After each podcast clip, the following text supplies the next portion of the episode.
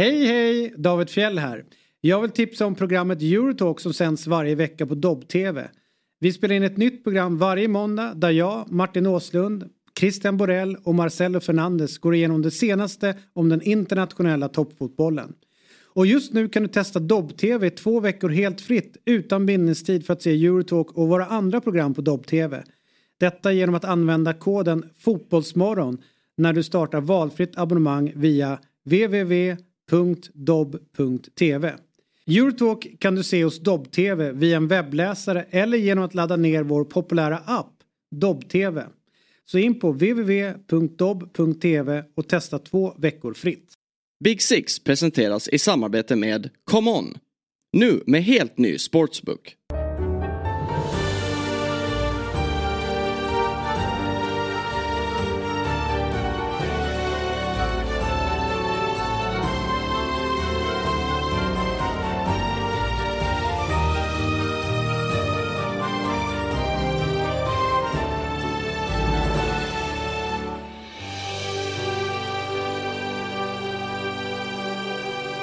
Då hälsar vi er hjärtligt välkomna till ett nytt avsnitt av Big Six. Åtta omgångar av Premier League är spelade. Och det man kan konstatera efter den åttonde omgången Björn Jonsson det är ju, vilket det kanske ska göra, men det är en levande tabell i väldigt stora delar av den. Verkligen, det är, det är väldigt kul. Och eh, en otippad serieledare i form av, eh, i form av Tottenham. Ja. Eh, som står på 20 poäng. Samma eh, poängskörd har ju Arsenal och eh, båda står på plus 10 men Tottenham har, eh, leder på fler gjorda mål. Och så sitter då två poäng bakom.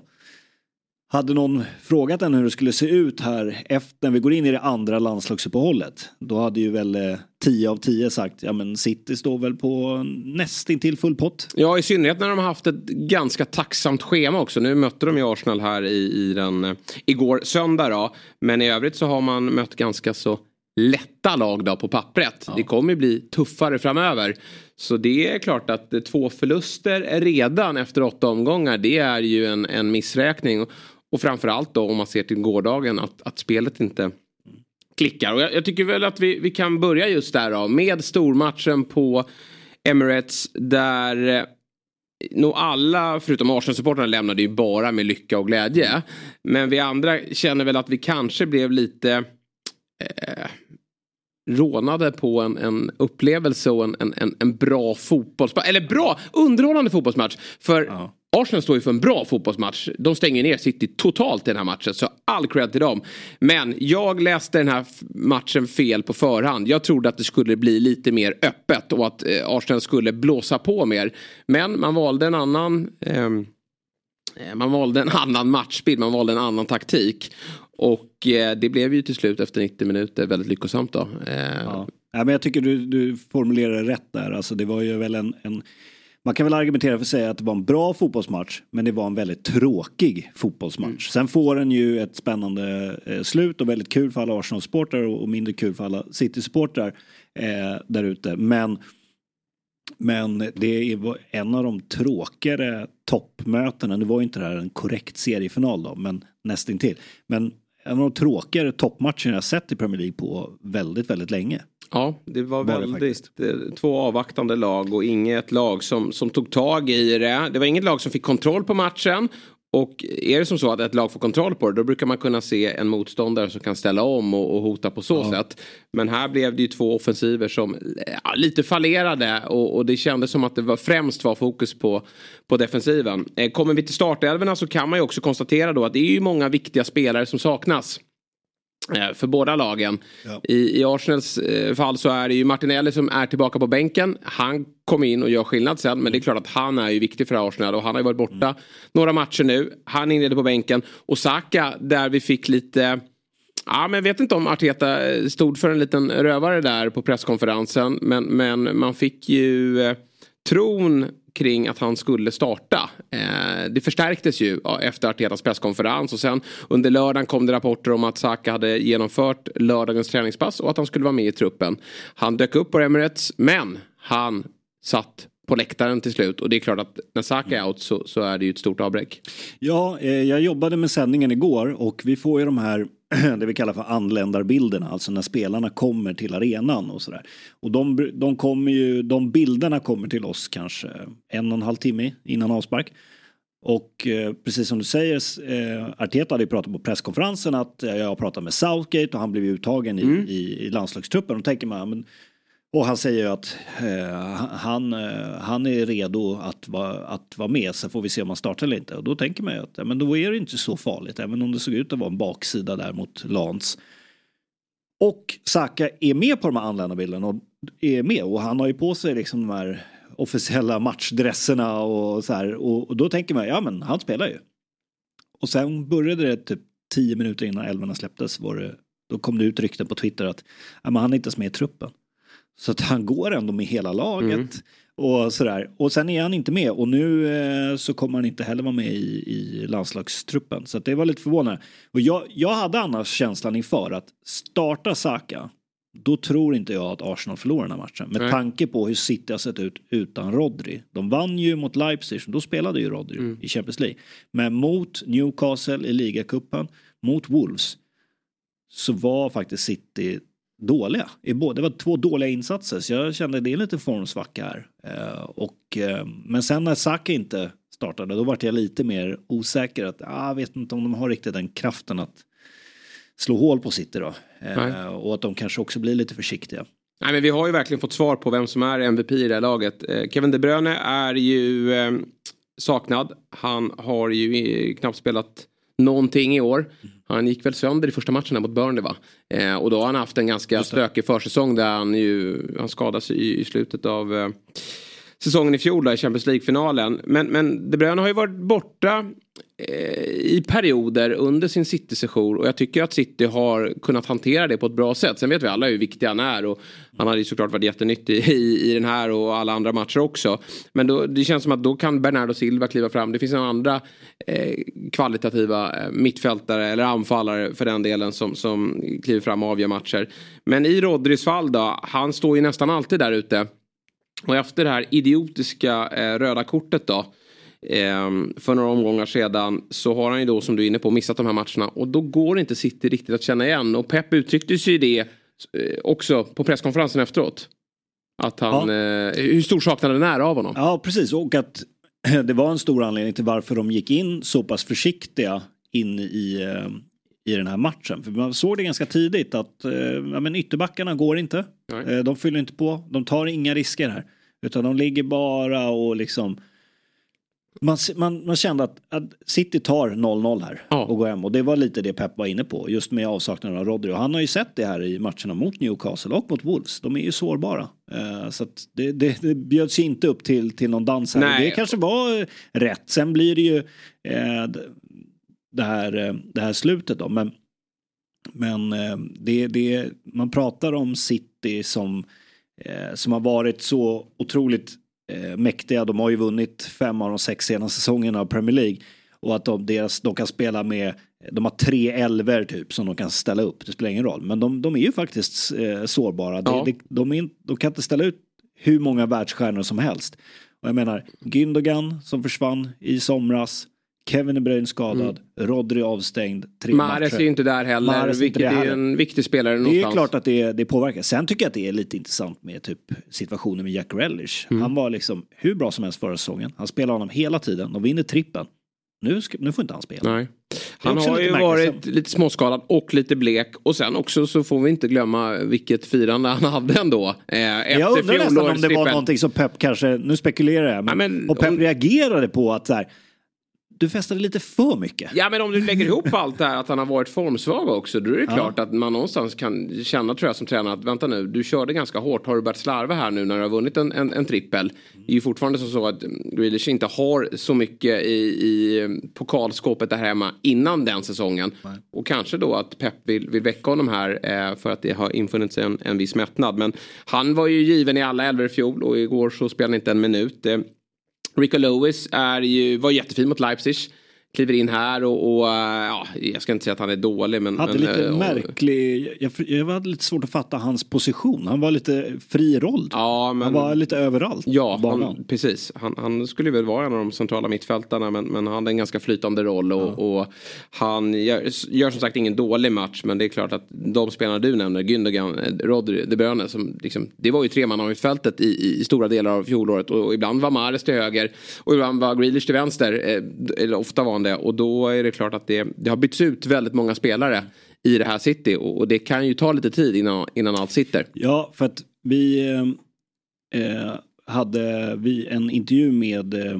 med Grealish och Haaland som eh, norska Viaplay gjorde. En ganska flamsig intervju som handlade mycket om kläder och annat tramsigt. Men, men då pratade de om det som ändå var intressant spelmässigt. Då pratade Grealish om det här att han och Haalands samarbete. Att det tog ett tag för dem att så här, hitta ja. varandra och, och, förstå varandra. Och, eh, och eh, nu till exempel som du säger så nu har Haaland till exempel Doky på mm. kanten och det, det, alltså, eh, det kan ju också spela sin roll. för att Sen blir det ju lite, tänker, jag tycker att det blir lite överdrivet när man så här börjar håna Håland för att han var helt osynlig igår. Så där är han ju. Sen dyker han ja. ju bara upp på rätt plats och han så gör han ju en tap-in. Och möter sen... ju kanske en av världens bästa mittbackar just nu i, i Saliba. Ja, Saliba och... hade ju faktiskt två ganska tuffa dueller mot honom där han går segrande ja. och hade bra koll på ja, Det var imponerande att se faktiskt. Och eh, nej, men jag tycker Arsenal stänger ner, alltså Phil Foden är osynlig. Han, han har ju använts mer centralt ja. i banan eh, den här säsongen men han gör en, en blek insats och är det centrala mittfältet så bleka eller Ja men Kovacic har ju också en otroligt tuff match och jag, jag vill landa i det att 0-0 hade inte varit orättvist. Nej. Det hade varit ganska speglande matchbilden. Samtidigt är det inte orättvist att Arsenal går och vinner den här matchen. För jag tycker att de borde spela den här matchen en man mer i, i majoriteten av, av matchen. För att Kovacic, att, att inte han visas ut efter de här två situationerna. Det går ju absolut att argumentera för att det ska vara rött kort redan vid första. Eh, vi hade diskussion ja. du och jag, vi tyckte att det där är rött kort. Mm. Sen kan jag någonstans gilla ibland i stora matcher att man har en lite högre ribba. Men det där är, mm. det där kan sluta så illa. Eh, så att där ska han eh, faktiskt nog ha det röda kortet. För att inte tala då, om den andra eh, situationen. Där det går ju nästan, det hade varit ett hårt rött kort. Men det är ju ett solklart gult kort. Och då när Kovacic ja. strax innan har fått det där eh, orangea kortet eh, som, som snuddar på rött.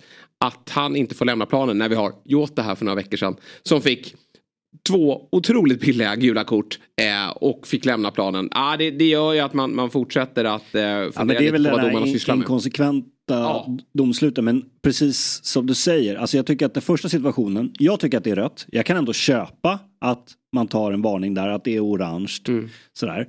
Men där, jag tycker nästan att den andra situationen på så sätt är värre att det inte blir kort mm. på den. Jag kan ändå köpa att det blir ett gult på det första. Eh, även om jag nog hade dragit fram det röda. Men att det andra inte blir gult. Det är ju Alltså det är ju sinnessjukt. Ja, alltså man, man tänker ju bara att domaren går runt i bakhuvudet och säger att han får passa sig nu. Han har eh, ett orange kort i, mm. i, i bagaget här nu och vid minsta lilla så skickar jag fram det.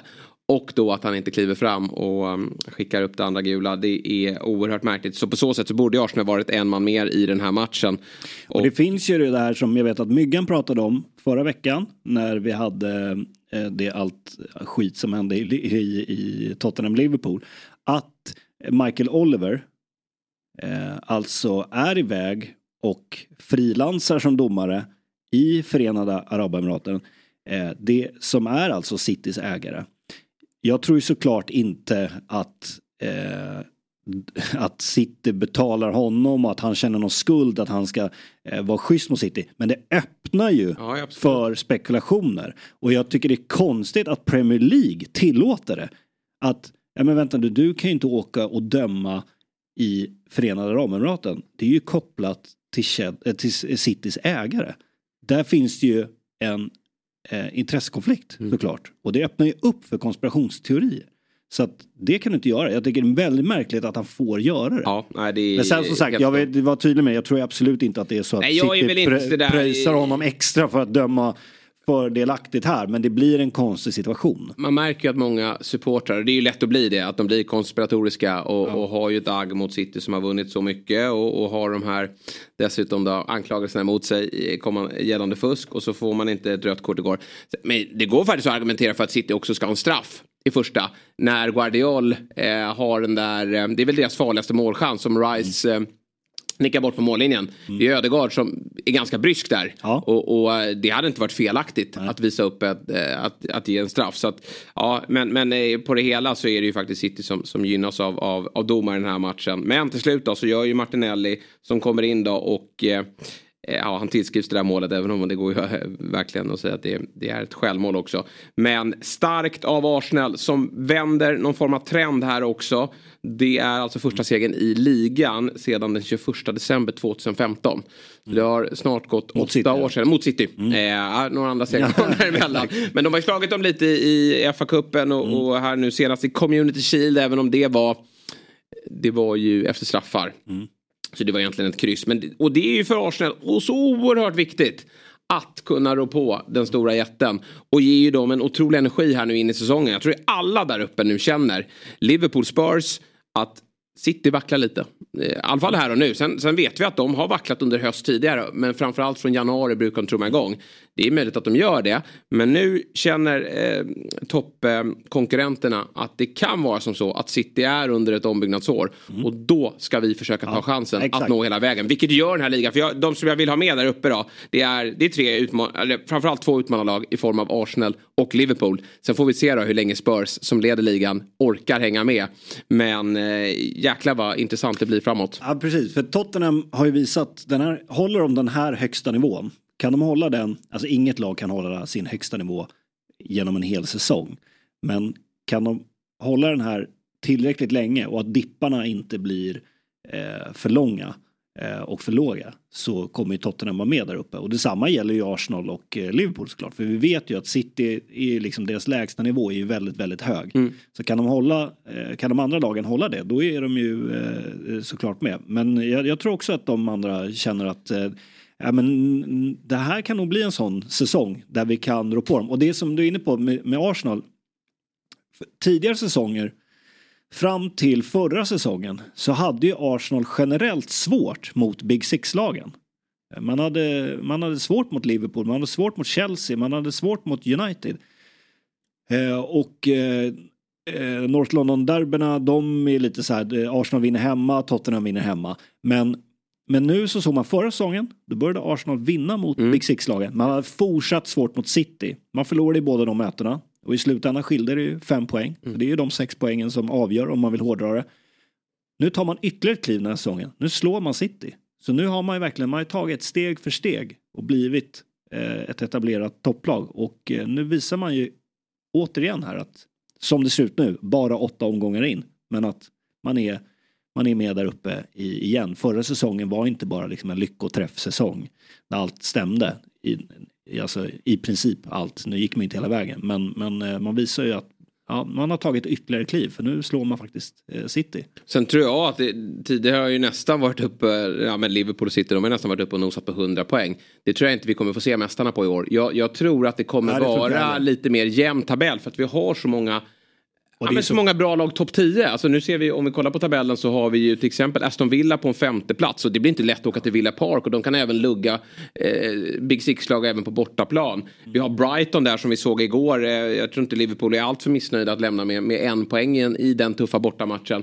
Och sen så tror vi väl, eller vi får se, men, men eh, Newcastle är där också svårt lag. West Ham har smugit upp och gjort en jättefin ja. säsongsinledning och ser verkligen bra ut. Mm. Och Chelsea, United är väl också lag som, som förhoppningsvis tar kliv under, under, eller förmodligen ska jag säga, tar kliv under säsongen. Vilket gör att vi, vi kommer se många lag som, som tar poäng av varandra. Ja, och sen har vi de här eh, skadorna som drabbar alla lag. Och eh, nu har inte jag kollat om det är så mycket fler skador än vad det var vid den här tidpunkten förra året. Men det är ju väldigt mycket skador på det drabbar ju alla lag ja. egentligen. Och det är, det är inte bara dussinlirare som, som är på skadelistan utan det är tongivande spelare. Och det kommer ju också såklart påverka eh, lagen att de kanske inte, att vi inte går mot en sån här 99 eller 100 poängs Nej. säsong. Nej, vi får se vad det slutar på i slutändan. Innan vi släpper den här matchen så vill jag... Eh, det är många i Arsenal, jag, i många Arsenal är, är glada idag. Men det är en spelare jag faktiskt tycker synd om. Och det är ju Aaron Ramsdale. Mm. Som eh, har ju blivit av med den här platsen nu. Det, det, det slår vi bara fast. Det är eh, Raja. Även om Raja tyckte jag igår, han var lite svajig med fötterna. Just som det Och som du, är... det var det jag ville komma på. Alltså Raja är ju en bra målvakt. Men, men den här psykosen som slår mot ett lag när en tränare har bestämt sig för att nu ska vi bli, nu ska vi gå via vår eh, vår skicklige målvakt eh, i uppspelen allt oftare. Den är livsfarlig. Alltså. Ja, vi ja. ser att United håller på med det. Alltså, City var ju nära där i att... att- Alvarez, i den är i ju första burgaven. Ja. Och det där, frågan är om det inte kostar mer än vad det smakar att, att hålla på med det där. Jag, jag ser fördelar med det, här, hur man kan eh, slå ut en, en, en första press. Men samtidigt också kan det kosta väldigt mycket. Vi ser att det röda laget i Manchester, eh, där, där kostar det väldigt mycket. Mm.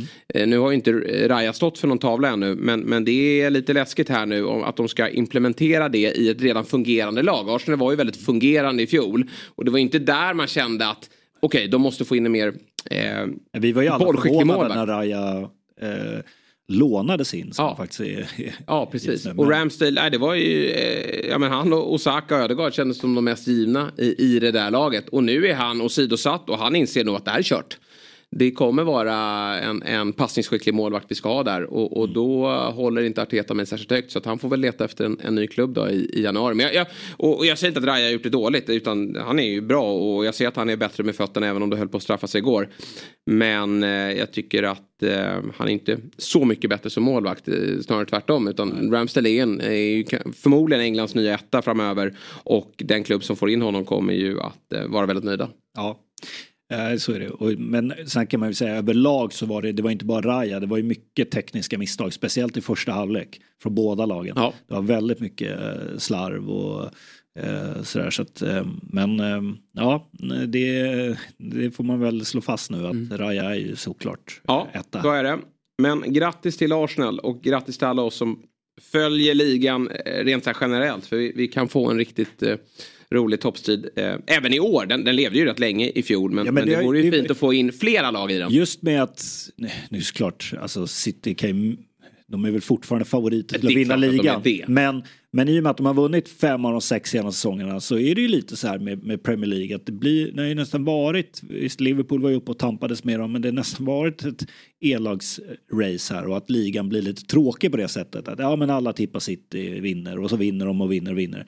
Och att vi nu ändå får vad det verkar en, en tight titelstrid. Ja, nej men kul. det, hade varit en sak om vi hade känt att City vore lite mätta nu och att de, de där kommer nog att växla upp till våren att Gündogan kommer igång och att De Bruyne har en lite eh, trögstartad säsong och, och de offensiva spelarna fått igång poängproduktionen men, men många av de här är ju dels skadade eller har lämnat laget så det är ju en, det är en ombyggnad som sker vilket gör att City Sen kan nog känna lite oro. Måste jag säga med apropå Saka, nu blev det ju tre poäng så att det spelar ju inte så stor roll. Men att Arteta startade med Saka Ja. mot Lans, det, det var ju många som reagerade på det. Att Mm. Varför gör han det? Den här bortamatchen spelar egentligen inte så stor roll om man förlorar heller. Eh, det är klart att de går in för att vinna, men den här gruppen ska de ju klara av ändå i och med att det är en på pappret så lätt grupp för Arsenal. Och att Saka ha haft eh, känningar startar honom inte där och så gör han det och så går han ut i 30 Det hade ju kunnat kosta Ja. väldigt mycket.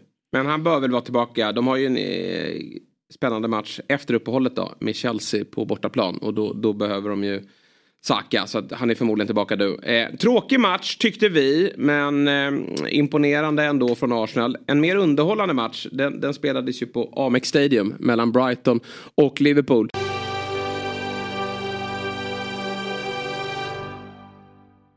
Big Six är sponsrat av EA Sports FC 24. Kalle, du, ditt Chelsea, de har det ju ganska tufft i verkligheten nu. Eh, Och då undrar jag, hur går det för dem i din FC24-karriär? Ja, men tackar som frågar. Där går det bättre faktiskt. Eh, Jag har till och med lyckats värva in Vinicius Junior och lira med honom som nia, tro det eller ej. Fastna nu inte i verklighetens Chelsea, Kalle. Det mår du bara skit av.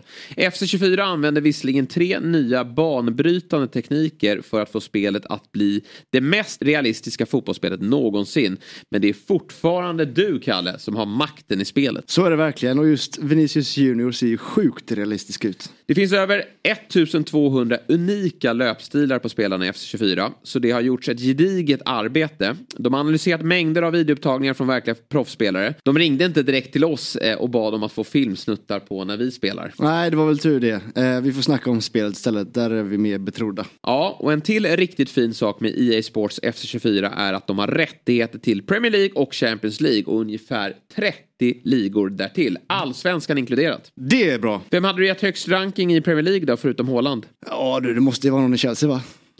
Inte direkt. Nej. De Bruyne är det faktiskt.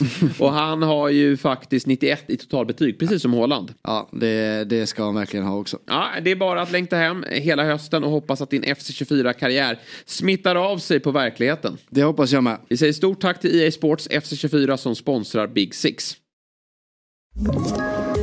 Poddtips från Podplay. I podden Något Kaiko garanterar östgötarna Brutti och jag, Davva, dig en stor dos skratt. Där följer jag pladask för köttätandet igen. Man är lite som en jävla vampyr. Man har fått lite blodsmak och då måste man ha mer. Udda spaningar, fängslande anekdoter och en och annan arg rant. Jag måste ha mitt kaffe på morgonen för annars är jag ingen trevlig människa. Då är du ingen trevlig människa, punkt. Något Kaiko, hör du på Podplay. Därför är mellan Brighton och Liverpool. Som slutade 2-2 eh, till slut, vilket jag tyckte i slutändan var ett ganska rättvist eh, resultat. Eh, jag eh, imponer, fortsätter ju, liksom många andra, att imponeras av Brighton. Jag imponeras av, av Liverpool i stora delar också. Men eh, jag tycker Brightons första halvlek är, är riktigt, riktigt bra. Och det är ju häftigt hur det, hur det snurras i den där elvan. Det har vi lärt oss nu att det, det är några som spelar torsdag och några som spelar lördag. Och sen eh, finns det ingen logik i det utan eh, De Serbi har väl idéer utifrån varje matchplan. Men igår då så är det två eh, Premier League-debutanter. Eh, Igor eh, Fiorentina tidigare va? Eh, Igor Julio tror jag han Mm, heter. Brasse. Eh, Brasse som kliver in, han har ju spelat i Europa League. Eh, in som mittback igår bredvid Dank. Men framförallt då eh, eh, Carlos Baleba. Som eh, de plockade in efter att Caicedo lämnade då i augusti. För, eh, alltså det är en, stor, det är en hög prislapp i synnerhet för att vara Brighton. Köptes för, för eh, 30 miljoner euro från Lille. Och han har de väl som alltid då när det handlar om när De Serbi plockar in spelare. Så är det väl en inlärningsperiod såklart innan man slängs ut i hetluften. Men han visade igår att han var redo. Vilken häftig värvning och, och alla scouter då.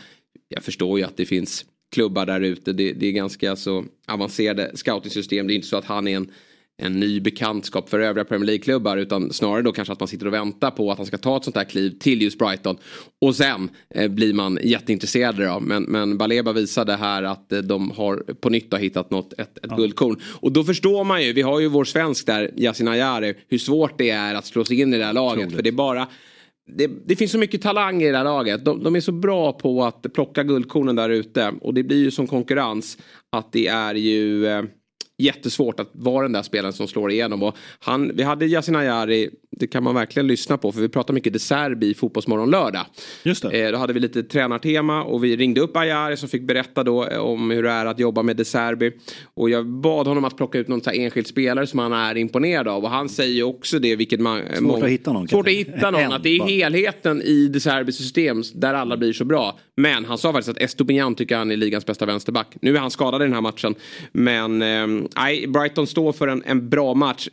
Jag tog väl i lite väl mycket på Twitter och sa att de var fullständigt överlägsna. Det, det kanske de inte var. Men de dominerar ju den här matchen. Och jag tyckte Liverpool var ganska bleka i att de...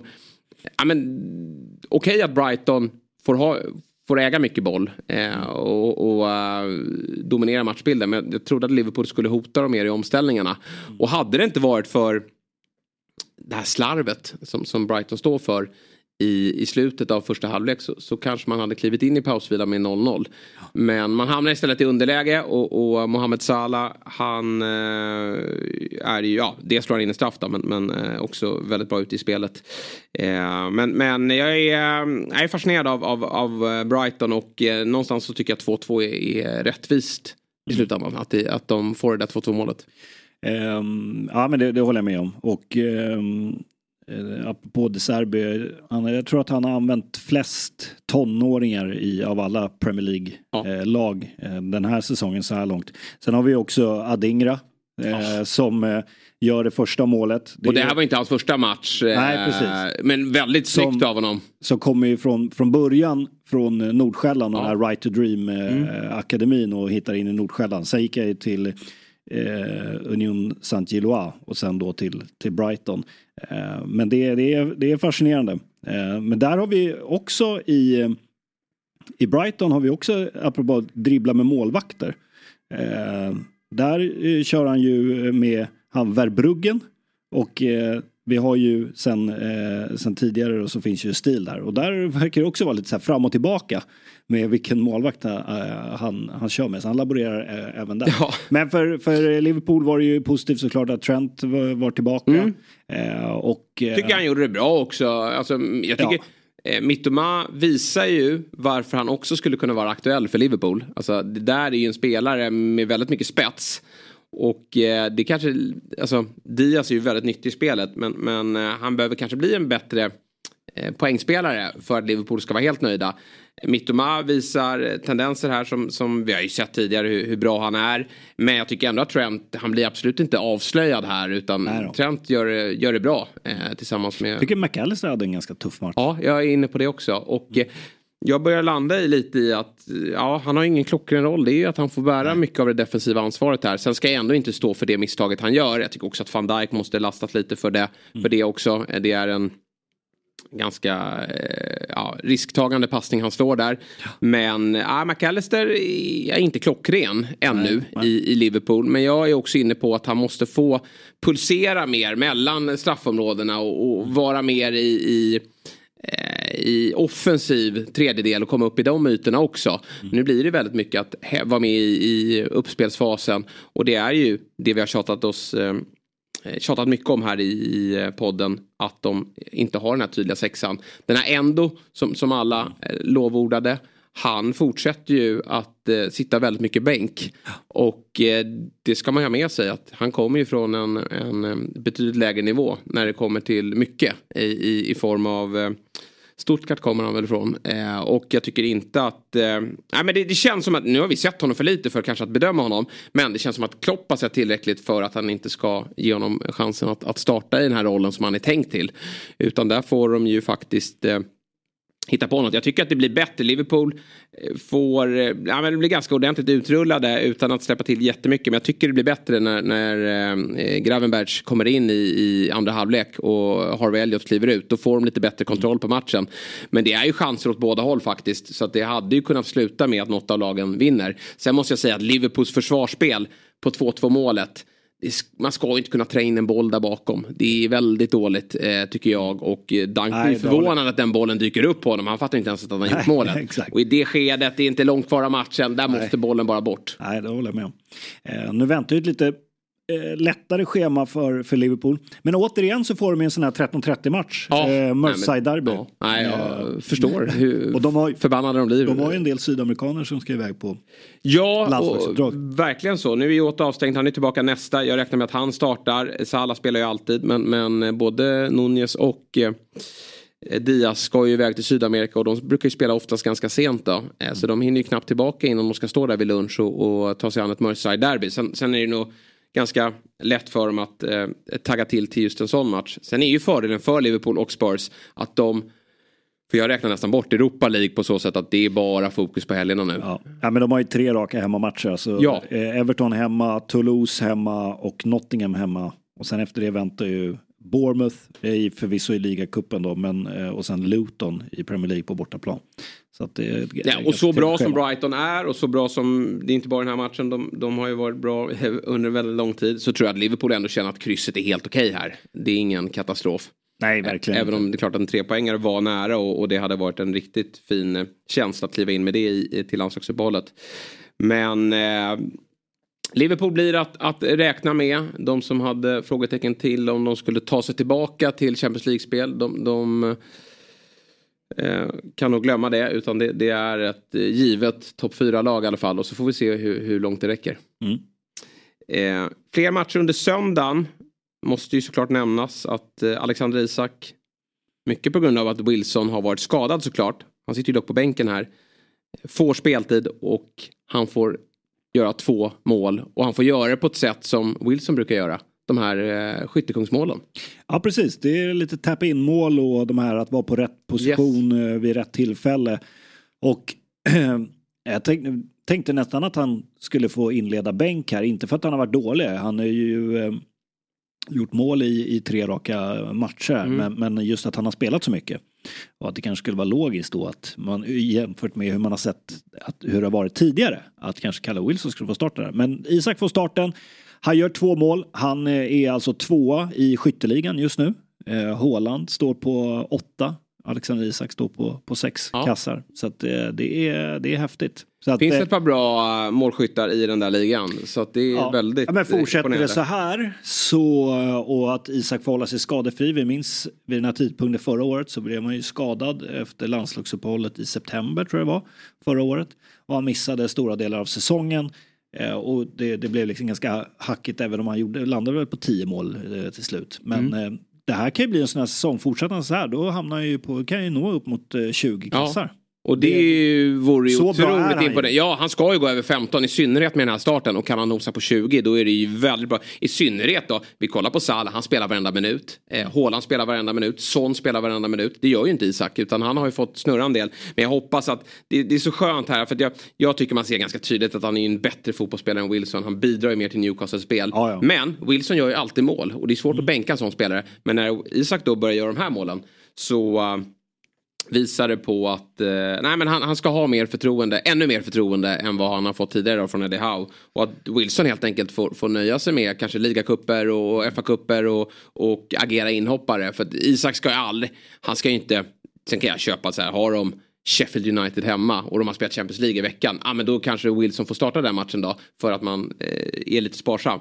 Men eh, jag tycker att fyra av fem Premier League-matcher, det, det, där ska Isak ha starten.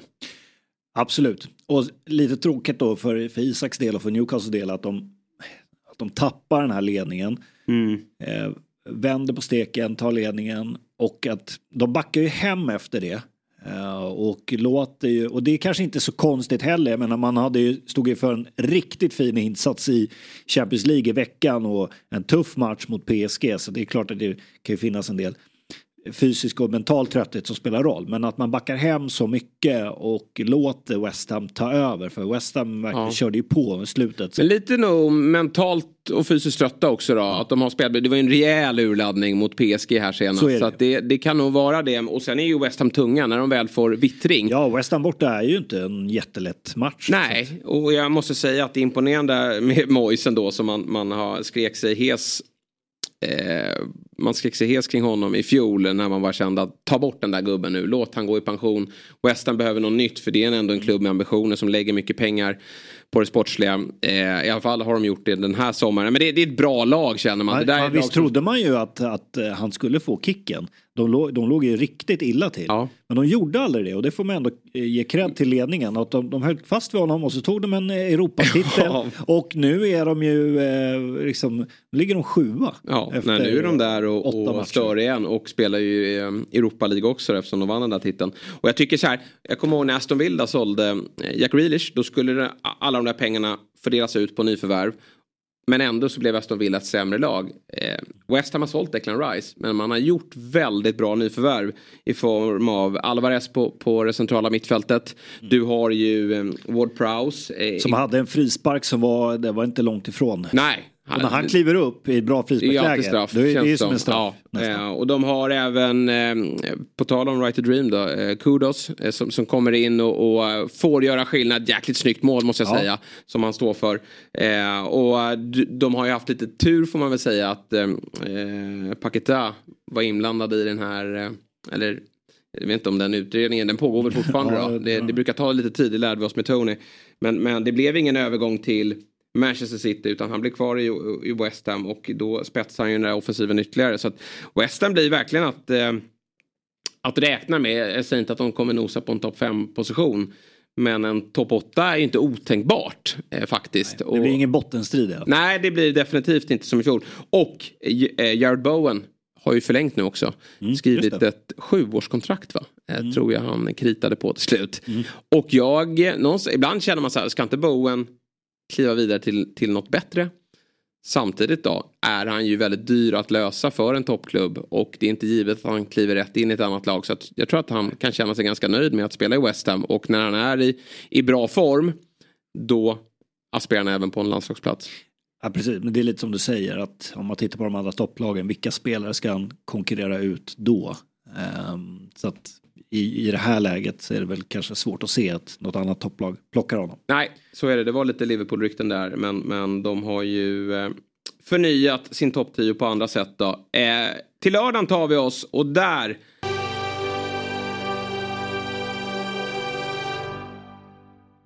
Come On är ju med och gör Big Six möjlig. Ja, så är det och vi är väldigt glada att ha med spelbolaget Come On som precis lanserat en ny sportsbook med riktigt grymma odds då. Eh, och vi kommer som du sa inte bjuda på några speltips idag. Eh, men vi vill däremot berätta att Come On just nu har en bonus på 100% upp till 500 kronor för nya kunder. Och det betyder att eh, de dubblar insatsen upp till max 500 kronor. Det vill säga eh, sätter du in 500 kronor via comeon.com så får du 1000 kronor att spela för. Mm, kanon erbjudande och eh, kom ihåg att du måste vara 18 år för att få spela. Regler och villkor på command.com gäller och har du problem med ditt spel så finns stödlinjen.se till hands. Ja, vi säger tack till Common som är med och sponsrar Big Six. Vi tar oss till lördagen där Manchester United på nytt är vinnare igen. Och vi har känt oss lite trötta här i säsongsinledningen på att gnälla på Manchester United och jag eh, minns ju det här, inte från i fjol för då var vi positiva, då, då tog United eh, steg i rätt riktning men, men från året dessförinnan då så, så var vi ganska trötta på att eh, varje program konstaterar att Manchester United eh, saknar spelidé och att de står för eh, väldigt svaga insatser. Det här är ju på nytt en, en svag insats men just nu för United så handlar, och framförallt Ten Hag handlar det ju bara om att ta tre poäng och det lyckas man på ett mirakulöst sätt faktiskt lösa i slutändan.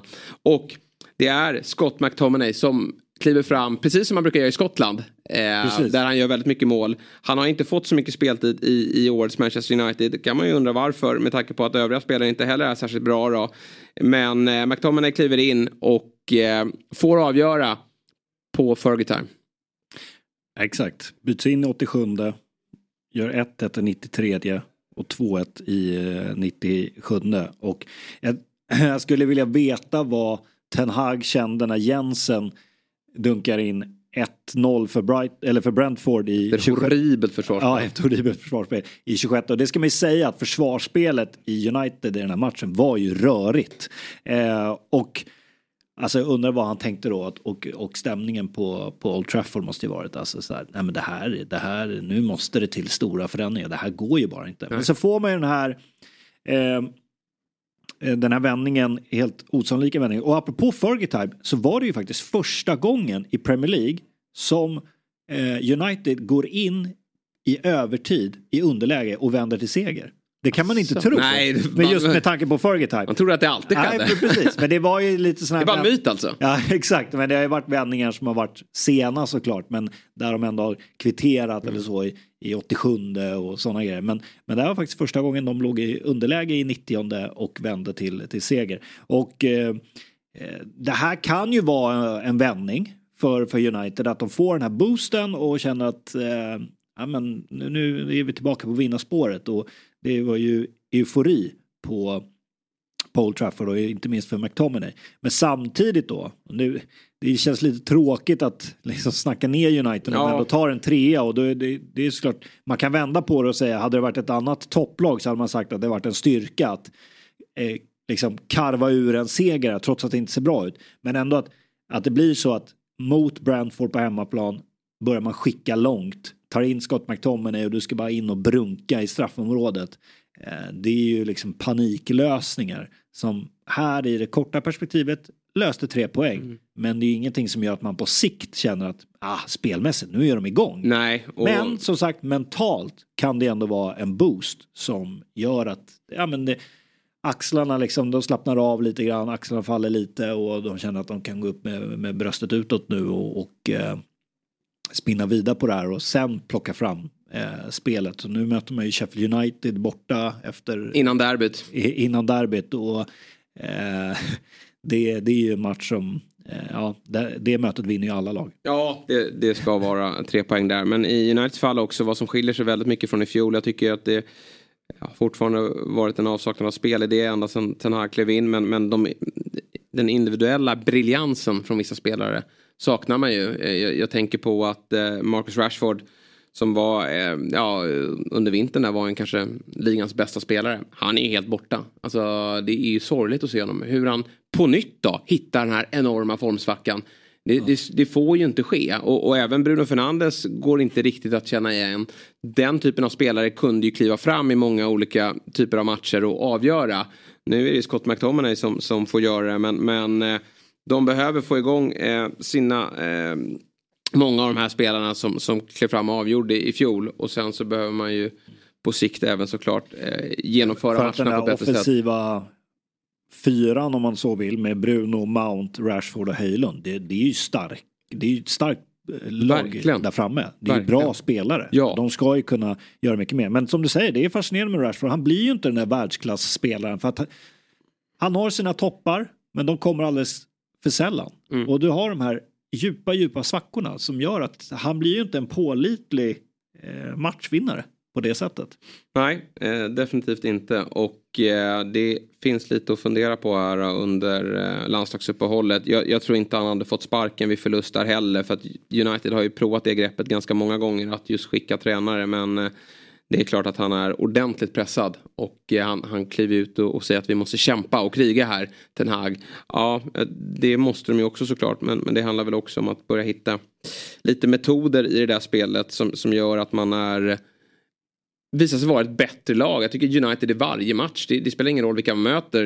Det är knappt så att de mot Sheffield United heller kommer, tror jag, vara något spelförande och, och eh, visa sig vara ett bättre fotbollslag. Utan det är väl också att man förmodligen då förlitar sig på och hoppas på att någon av de här stjärnorna ska eh, kliva fram. McTominay kanske får mer speltid då, eh, framöver. Eh, det återstår att, spe, återstår att se.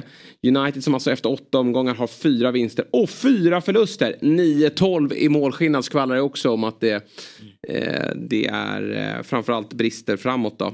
Men skön seger för United. Det var eh, otroligt viktigt i det här läget. Och eh, det får man väl också säga att det var tre viktiga poäng för Chelsea som kliver in i landslagsuppehållet med en bra känsla. Två segrar mot lag som eh, man ska slå, men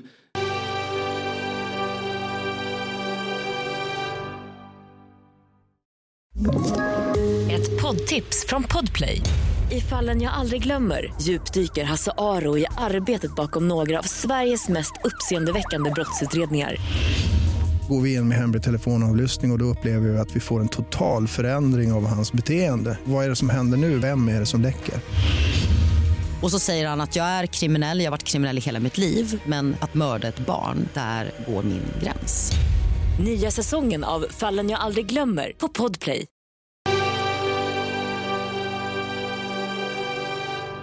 Man har redan åkt på minor mot den typen av motståndare tidigare i år. Vi satt ju här med Petter Landén i torsdags och han sa att han uttryckte sig som så att ja, men man får väl ha någon sån här förlust mot Nottingham Forest hemma. Men, men det får inte bli fler. Och, och nu åkte man då till Craven Cottage och man åkte till Turf Moor och lämnar med eh, sex poäng och sex set i målskillnad. Vilket är ju jätteviktigt. För det, även om det är en process långsiktigt att få bitarna att falla på plats och, och bli bättre som lag löpande så handlar det också om att ta tre poängar mot de här riktigt dåliga lagen. Apropå ojämna spelare, här var ju Sterling framme Ja. igen då. Eh, vi har ju sett, speciellt i början, de första matcherna, såg vi Sterling som var väldigt, väldigt bra. Eh, och sen försvann han lite grann. Eh, och här är han ju tillbaka och ligger bakom i princip alla målen. Så att eh, jättefin match av honom. Och få spela precis så som han vill spela. Bara komma med fart och dribbla sig igenom. Ja, och, trockla sig igenom och Exakt. kanske fixa en straff eller få iväg något taffligt avslut Ja. som någon slår in en retur på. Nej men han, eh, han har visat, han har blandat och gett lite men jag tycker som helhet så är det ju åtta bra matcher. Nu är jag nog lite förbannad att han inte är med i en landslagstrupp men där är ju konkurrensen hård. Men eh, han är ju en poängspelare när han har sin dag. Och eh, nu gjorde han 1 plus 1 plus att han eh, ordnade en straff då. Så att, eh, Och Jackson fick göra mål också. Ja, viktigt. Och Cole Palmer eh, tycker jag också går från eh, klarhet klarhet. Han ser bättre och bättre ut. Eh, Conor Gallagher eh, hyllas också. Eh, nyttig på det där eh, mittfältet. Och efter uppehållet då, när man då ska möta Arsenal, så är det ju lite spelare på väg tillbaka. Reece James kommer ju addera något till det här laget de få minuter jag förväntar mig att han spelar. Men förhoppningsvis så kanske han har tagit den tid han behöver för att tillfriskna.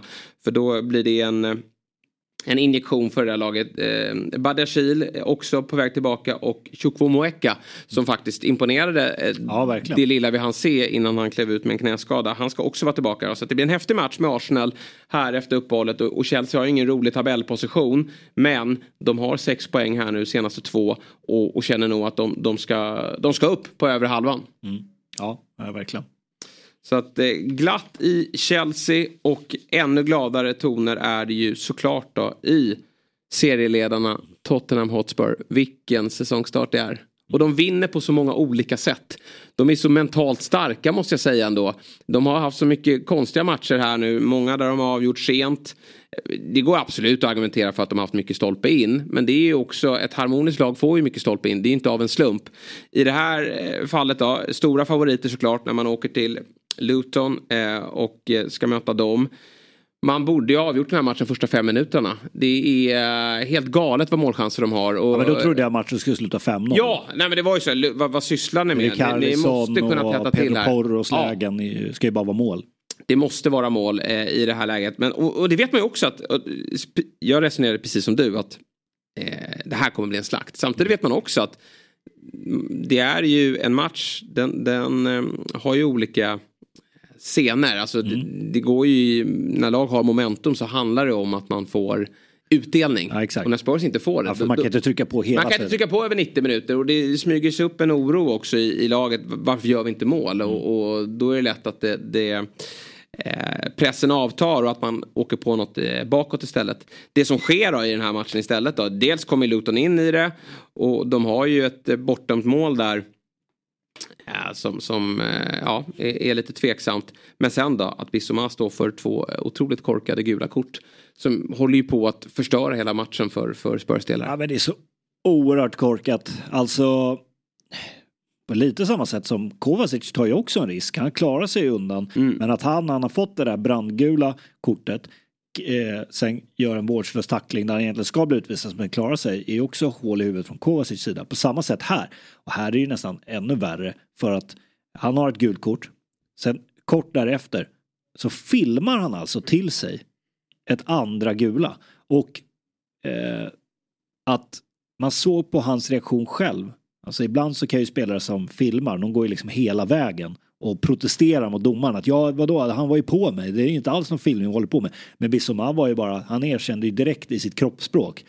Han bara tittade ner i marken och eh, gick ut mot sidlinjen. Så att han, det var inga som helst protester, det var inte protester nästan från någon spelare och framförallt inte från eh, Bissoma. Så det var, och det är ju en spelare som har varit väldigt bra också. Så oerhört klantigt. Och som du säger, han sätter ju Tottenham i en sån risk här. Att, ja, men, och du, precis innan, då har ju faktiskt Luton haft en boll inne som Ja. eh, varades bort på grund Ja. av det var en eh, k- eh, knuff i straffområdet. Så då tror jag ändå, och Luton känner att vänta nu, nu Mm. har vi faktiskt ett läge här. Och ja, men tänk om det, det hade ju kunnat bli då, säg att de hade tappat poängen i matchen. Det är ju sånt som kan avgöra. Säg att de Även om visst, jag vet att många Tottenham-supportrar inte vågar drömma än, men vi kan ju ändå säga det att som det ser ut just nu, spelar de så här så är de ju med och slåss om titeln till och med. Men det där skulle ju kunna vara då en sån match. Ja, nej, bara, men ja, men kolla Luton borta, när Bissoma tog det där röda och vi tappade poäng. Det är det som avgjorde det här. Eh, nu reder de ju ut ändå, men oerhört klantigt. Ja, eh, men de löser det ändå. Vi sa att när Ward Prowse stegrar upp så är det som straff. Och det är lite känslan då när- på fasta situationer med Madison också. Där van de Ven då gör sitt första mål. Och jag tycker Ja. han har varit bra. De, de, jag sa att Spurs Verkligen. kommer nog inte hålla så många nollor i år för det, det är öppna spjäll. Men Eh, Eh, de har faktiskt sin tredje nolla för säsongen på åtta matcher och är ju obesegrade här och har bara släppt in åtta mål. Vilket jag tycker är imponerande med tanke på den offensiv man, man står för. Men det mm, är styrka att lämna den här matchen med tre eh, poäng. Richarlison, hans otur fortsätter ju. Alltså, som sagt, skoj ju avgöra den här matchen första tio. Istället blir han utbytt då på grund av det här röda kortet. Men, men det är väl bara att trumma på för honom. För de behöver ju honom nu när, när eh, Solomon också är eh, är skadad en eh, längre tid framöver. Men skön känsla för Spurs. Har ju Fulham här efter uppehållet också. Måndag kväll så hinner ju få tillbaka Son här nu. Han har varit småskadad men han åker alltid på sina landslagsuppdrag. Men eh, det är en jäkla fin känsla i, eh, i Spurs för stunden. Och eh, det ska bli kul att se hur länge de orkar hålla i här. Men, men eh, ja, vi, vi behöver väl inte, det är väldigt tidigt att prata titelstrid. Men det ser ju väldigt ljust ut för en Champions League-plats. Och, och det var ju inte heller, folk räknade inte med det. I synnerhet då när Harry Kane försvann. Nej, och det var precis Harry Kane jag tänker lite på. Undrar vad han känner just nu. Ja. Alltså skulle Spurs gå hela vägen, Nej, lä- då lägger han väl ner. Ja, men det, det luktar ju Zlatan när han lämnade Inter eh, lång väg. Och då ska vi prata om en spelare som, som är fostrad i klubben och som brinner för klubben. Och ja, det är väl någon fotbollsgud där uppe som, som kommer att eh, se till att just det sker. Att Son får lyfta bucklan istället för Harry Kane. Och så Bayern München vinner inte ligan då. Nej. Ehm, så att, ehm, Ja, nej, men, men, det vi, är ju ändå, vi är ju ändå liksom en fjärdedel in på säsongen. Ja. Så att det, är, ju- det är inte så här, ja men åtta matcher är ju ändå, det är ändå åtta matcher. Ja, det, nu det- har de ju mött Liverpool, de har mött United eh, och de har mött Arsenal. Och lämnar de matcherna med sju poäng. Så det, det är ju, återigen, man, man gräver fram poäng i alla typer av matcher. Ja, och det är de där matcherna, om man ska vara med där uppe, då handlar det om att ta poäng mot eh, de andra topplagen. Och det gör man ju. Så att eh, det finns ju liksom, det är svårt att leta brister i det här laget. Sen får ju alla lag, får ju, kommer ju, landar ju i formsvackor. Och då handlar det ju bara om att, eh, att de ska vara så korta som möjligt. Och hur hanterar de de motgångarna som ju kommer komma under säsongen. Eh, frågan är bara när, men just nu så är ju, ja det är ju nästan ett perfekt lag. Som, Ja, som så tycker jag att de har börjat få in lite bredd. Bentancourt kommer väl tillbaka snart, antar jag också. Nu är det ju Sarbi som är på det där mittfältet. Höjbjerg finns ju, han har ju försvunnit bort ur startelvan. Han kommer få speltid nu då när Bissoma är borta. Men, men när Bentancourt kommer tillbaka då, då ökar konkurrensen på det centrala mittfältet. De har ju breddat till offensiven också med, med eh, Brennan Johnson som var skadad här. Då, men men eh, han använder ju också han, han laborerar ju lite beroende på matchbild men, men i storlagsmötena där man kanske förväntar sig att eller man vill ha ett tydligare omställningshot i sån. Då sätter man honom centralt men, men det går ju också att låta honom vara ute på en kant och, och Richarlison lite mer centralt i banan. Så att, eh, han har lite olika verktyg att eh, ta sig an matcherna. Men det är klart att Spurs får ju inte Madison får inte gå sönder och, Romero är viktig för den där de- defensiven. Så det, de är ju lite sköra på så sätt. Men det är ju många lag som är sköra på, på några, ja, på vissa positioner. Viktigt i alla fall då, för Spurs och de leder som sagt serien efter åtta omgångar. Du hade ju, eh, eh, eller vi båda pratade mm, om att Luton skulle kunna bli nya Derby. Då får de lugna ner sig lite med poängskörden. Ja, det blir Eh, Sheffield United istället, Men det blir Sheffield United istället, det var det jag skulle komma Ja. till. Det, någon av nykomlingarna kanske står för ett nytt rekord Och när det kommer till stackars, uselhet. eh, Jag vet inte om du såg de bilderna på Basham när han Ja, eh, bröt foten. Det var att, och att Premier League-produktionen de rullade ju liksom repriser och närbilder. Jag trodde att de skulle gå på en sån här wide shot direkt Mm. och bara säga vi visar ingenting. Men de visade ju när, repris på repris. Ja, det var riktigt äckliga bilder. Och, eh, ja, det, är, det är liksom det är, det är en eh, mardrömssäsong för Sheffield United på, på många sätt. Mm. Eh, och eh, jag tror att många Sheffield United-supportrar kände att inför den här säsongen, det är klart det kommer bli tufft. Eh, och vi ska, men gör vi bara liksom allt vi kan och vi kan gå stolta över en säsong så ja visst, det kanske är för tufft för att hålla oss kvar men vi ska i alla fall ge det en match eh, och, och kämpa. Men nu, nu liksom står man utan en seger efter åtta matcher och bara ett, ett kryss, sju förluster. Eh, och eh, det ser väldigt tungt ut. Och det är väl eh, inte att sticka ut hakan och säga att man tror att Häckibadon blir den första tränaren för sparken. Nej, Men än så länge har vi inte fått någon, Nej. inte hört någon tränare som fått kicken än. Och sen undrar jag också hur långt eh, tålamodet är faktiskt med eh, Vincent Company. Ja. Alltså jag tror ändå, i och med att han har satt så tydligt prägel och de tror så mycket på honom och förra säsongen i Championship när de slaktade gör ju att han, han eh, har ett stort mandat i den här klubben tror jag. Men, men ändå, det, det, det, det läcker ju. Behöver vi få lite resultat och jag tyckte inte de gjorde någon bra match mot Luton heller. Det, det är sjukt att de tar tre poäng där faktiskt. De ser slitna ut mot slutet och Luton har bra tryck och så får de 1-1 och så kommer det där chockerande 2-1 målet från ingenstans direkt efter. Och, och lite turligt då så tar vet du, Burnley tre poäng där. Men jag, eh, man ser ju där nu att på eh, 17 plats har vi Luton på fyra poäng. Sen har det blivit ett litet, litet gap upp till Everton. Eh, Och, och det är väl inte en alltför vågad gissning att tro här att det är de fyra där nere som kommer att kämpa om det. Och det som då ger lite energi för till och med Sheffield United det är ju då att man kanske kan försöka ta den där platsen strax ovanför strecket då.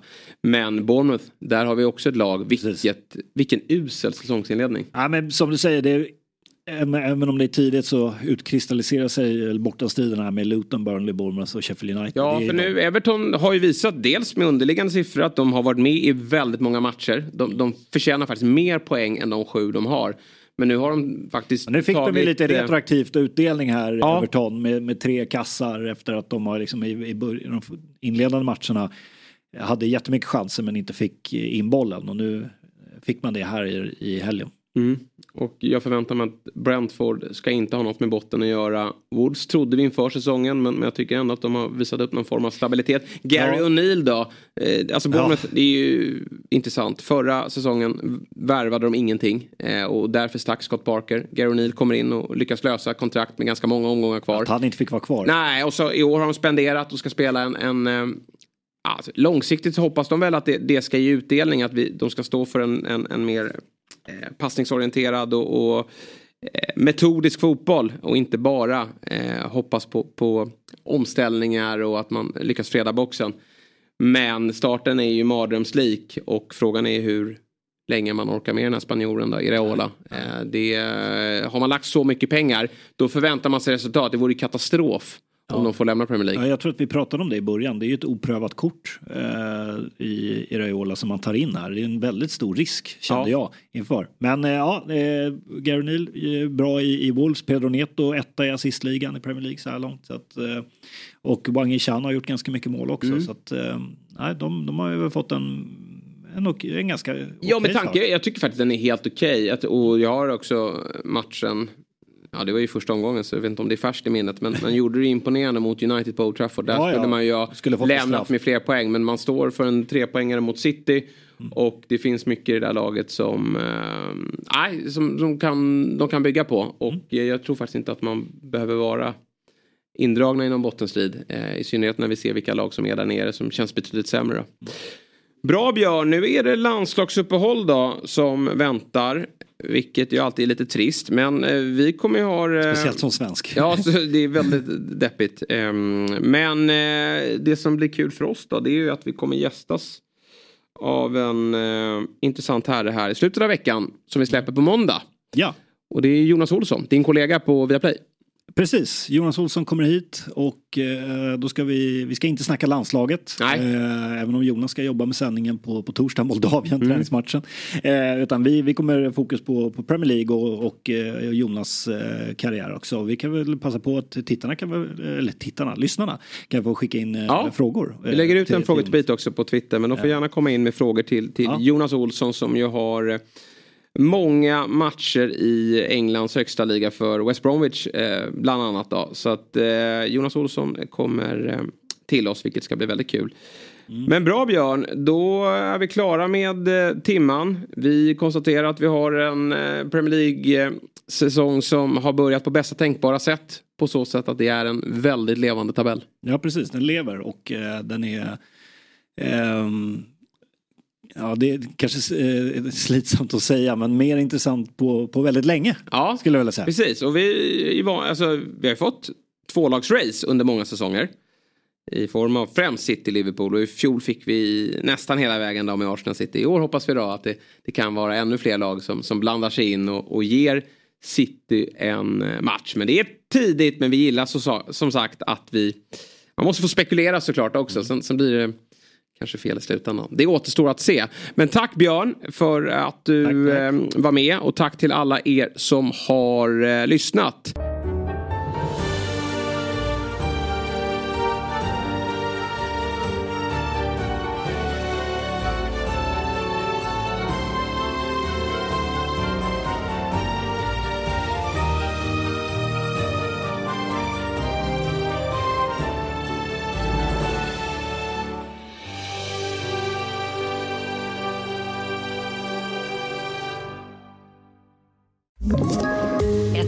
Poddtips från Podplay.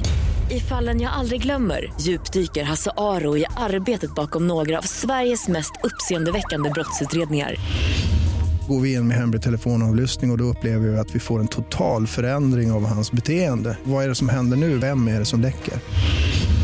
Och så säger han att jag är kriminell, jag har varit kriminell i hela mitt liv men att mörda ett barn, där går min gräns.